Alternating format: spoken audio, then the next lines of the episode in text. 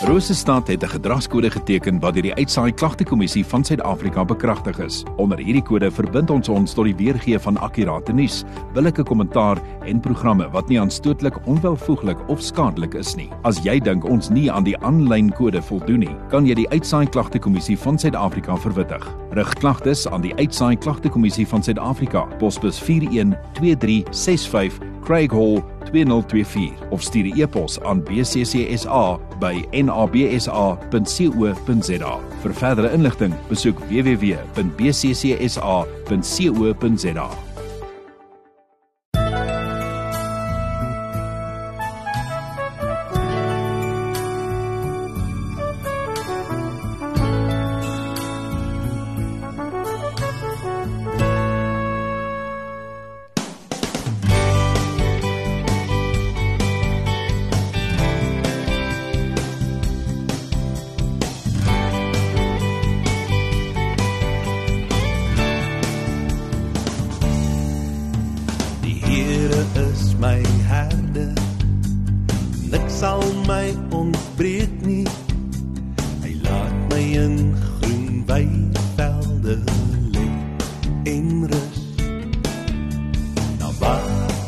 waar is. Lei hy my heen. Hy verkoop my siel en lei my op die regte pad. Al gaan ek oor die dal van doodskade weer sal ek geen onheil vrees nie want hy is hier hy stop en staan die vertroos my berei die tafel voor my aangesig teenoor my vyande die salwing rus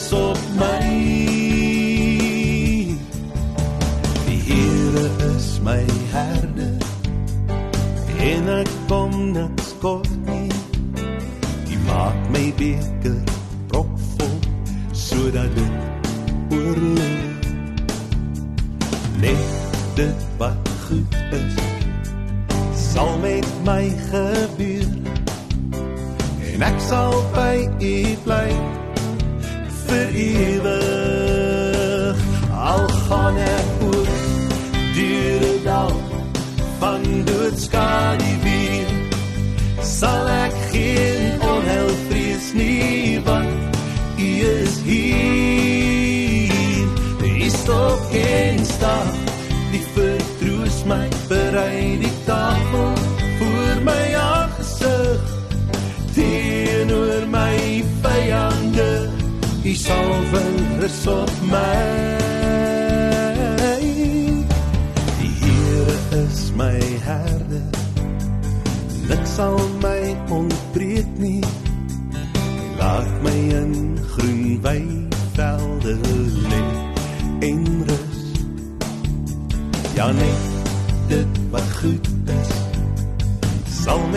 my gebeur en ek sal by u bly vir ewig.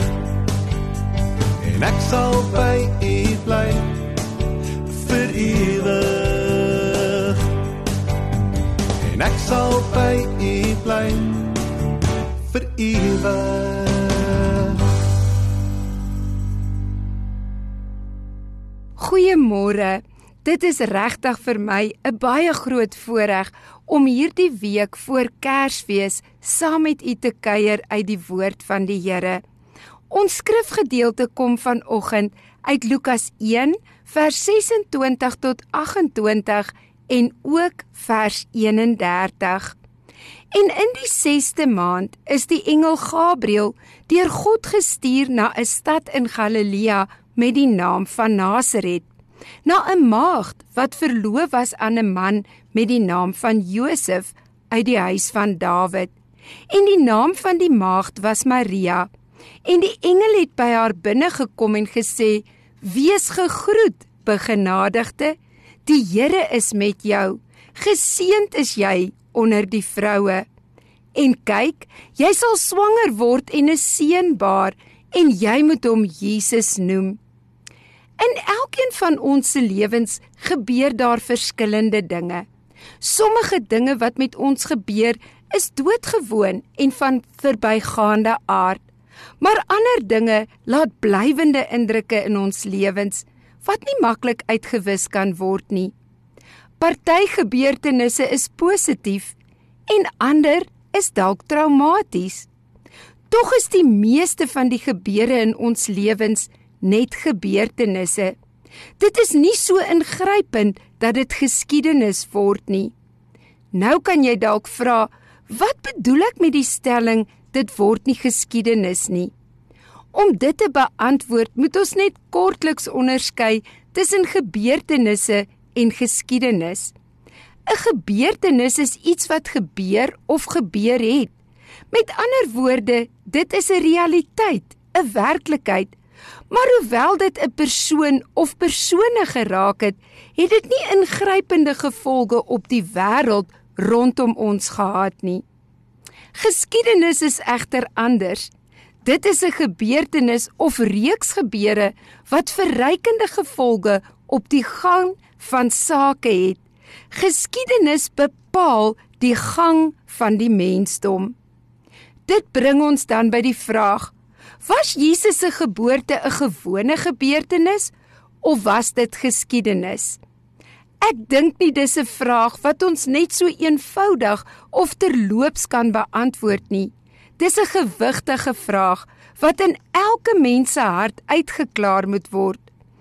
As Jesus se geboorte vir jou net 'n historiese gebeurtenis is wat aan die einde van elke jaar in verskillende maniere uitgebeeld word, sal dit soos enige saak maar net by jou verbywaai sonder enige daadwerklike effek of invloed in jou lewe. Maar as die geboorte van Jesus vir jou deel van God se heilsgeskiedenis met die mens vorm, sal dit vir jou die draaipunt van die geskiedenis wees, die plek waar alles in jou lewe verander. Kom ons let 'n bietjie op die detail wat die Bybel vir ons gee oor die geboorte van Jesus Christus. Lukas vertel nie vir ons of die meisie in die kombuis besig was om iets vir ete voor te berei of sy besig was om take in en om die huis te verrig of sy in haar kamer op haar knieë besig was om God te aanbid nie. Maar hy sê die volgende vir ons: dat 'n engel van die Here skielik aan haar verskyn het met die boodskap dat sy sou swanger word met die seun van die lewende God en dat sy hom Jesus moes noem. Kon dit enigsins moontlik gewees het dat die engel 'n fout kon maak met hierdie sending?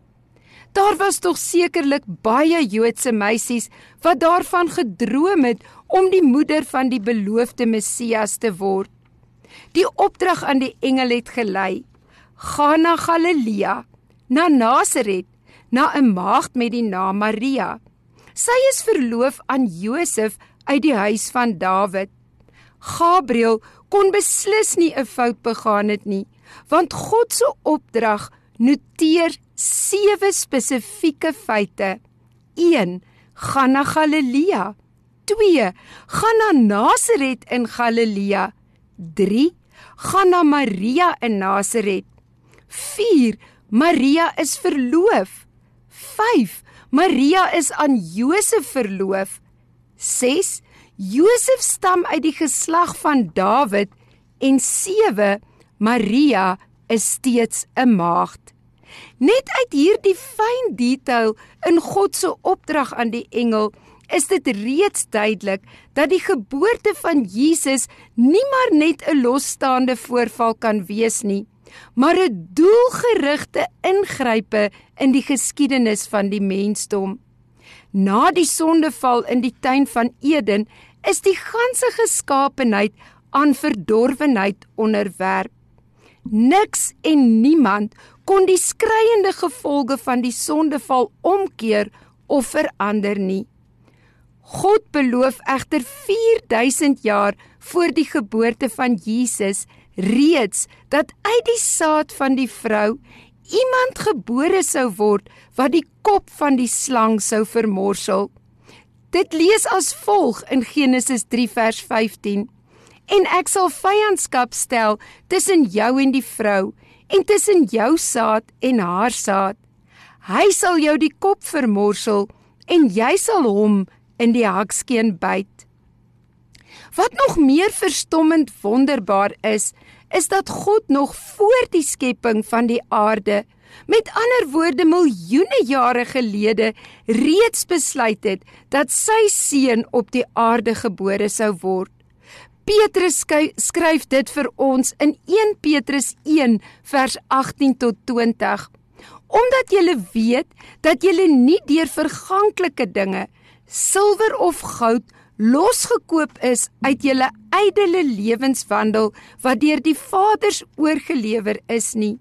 Maar deur die kosbare bloed van Christus soos van 'n lam sonder gebrek en vlekkeloos wat wel vooruitgeken is voor die grondlegging van die wêreld maar in hierdie laaste tye geopenbaar is om julle ontwil Die hele aangeleentheid rondom die geboorte van Jesus Christus en sy aardse lewe en sterwe aan die kruis is deur God beplan voor die grondlegging van hierdie wêreld. Die koms van Jesus Christus het die lotsbestemming van miljoene mense verander. Daarom staan die geboorte, lewe, sterwe en opstanding van Jesus absoluut sentraal in die geskiedenis van die mensdom. Dit is die as waarom die Christelike geloof draai. Dit is die ingrype van God in die verloop van die geskiedenis en alle lewe op aarde. Paulus besing en benadruk hierdie wonderlike ingrype van God op die aarde wanneer hy in Titus 2 vers 11 verklaar: "Want die reddende genade van God het aan alle mense verskyn. Jesus Christus is die grootste geskiedenismaker van alle eeue en hierdie waarheid word oor duisende jare heen deur verskillende profete bevestig en vooruitgesien. Ongeveer 3300 jaar voor die geboorte van Jesus het Henog sewe geslagte van Adam af reeds die wederkoms van Jesus wat met sy 10000 talle kom geprofeteer soos wat ons dit lees in Judas 1 vers 14 en Henog die sewende van Adam af het ook teen hulle geprofeteer en gesê kyk die Here het gekom met sy heilige 10000 talle Meer as 1500 jaar voor die geboorte van Jesus het Moses in Deuteronomium 18 vers 15 voorspel dat God Jesus as profeet vir Israel sou verwek. 'n Profeet uit jou midde, uit jou broers, soos ek is, sal die Here jou God vir jou verwek. Na hom moet jy luister. So wat 1000 jaar voor die geboorte van Jesus het Dawid reeds die hoëpriesterlike bediening van Jesus in Psalm 110 uiteengesit. Omtrent 740 jaar voor die geboorte van Jesus het die profeet Jesaja geprofeteer dat Jesus vir ons oortredinge deurboor sou word. In Jesaja 53 vers 5 lees ons: maar hy is ter wille van ons oortredinge deurboor. Ter wille van ons ongeregtighede is hy verbrysel. Die straf wat vir ons die vrede aanbring, was op hom en deur sy wonde het daar vir ons genesing gekom.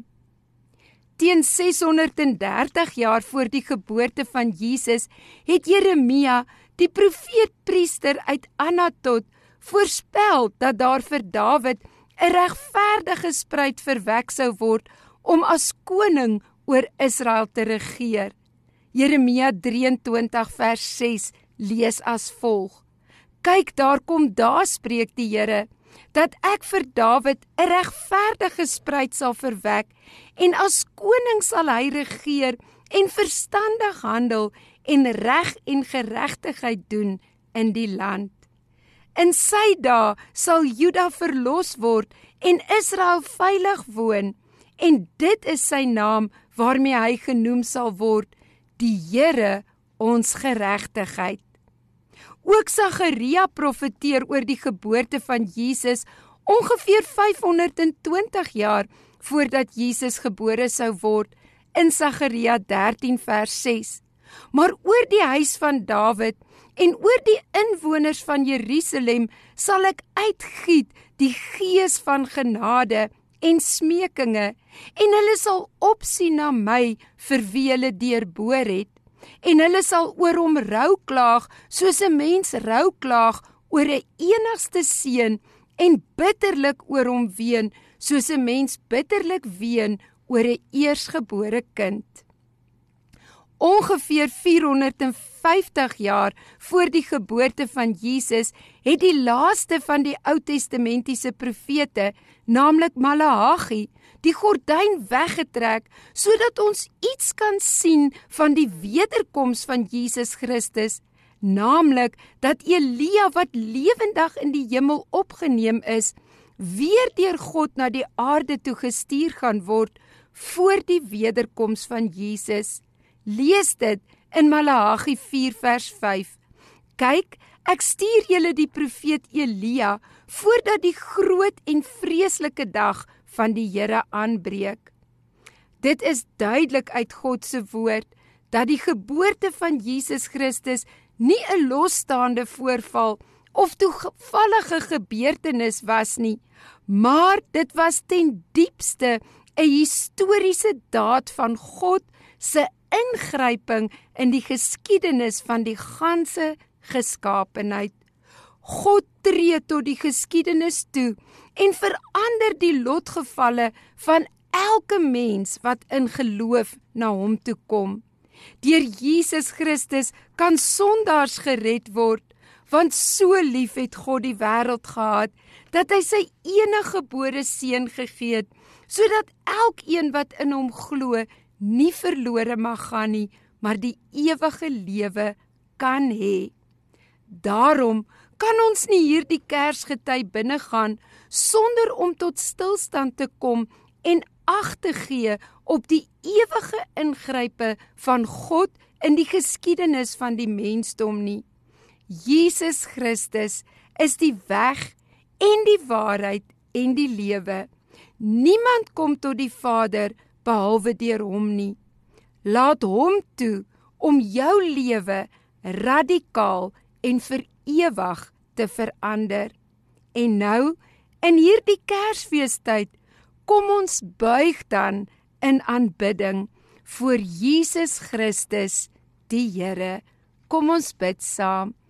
Abba Vader, dankie dat U eenmal in die geskiedenis u enige gebore seun gestuur het sodat elkeen wat in hom glo nie verlore sal gaan nie maar die ewige lewe sal beerwe.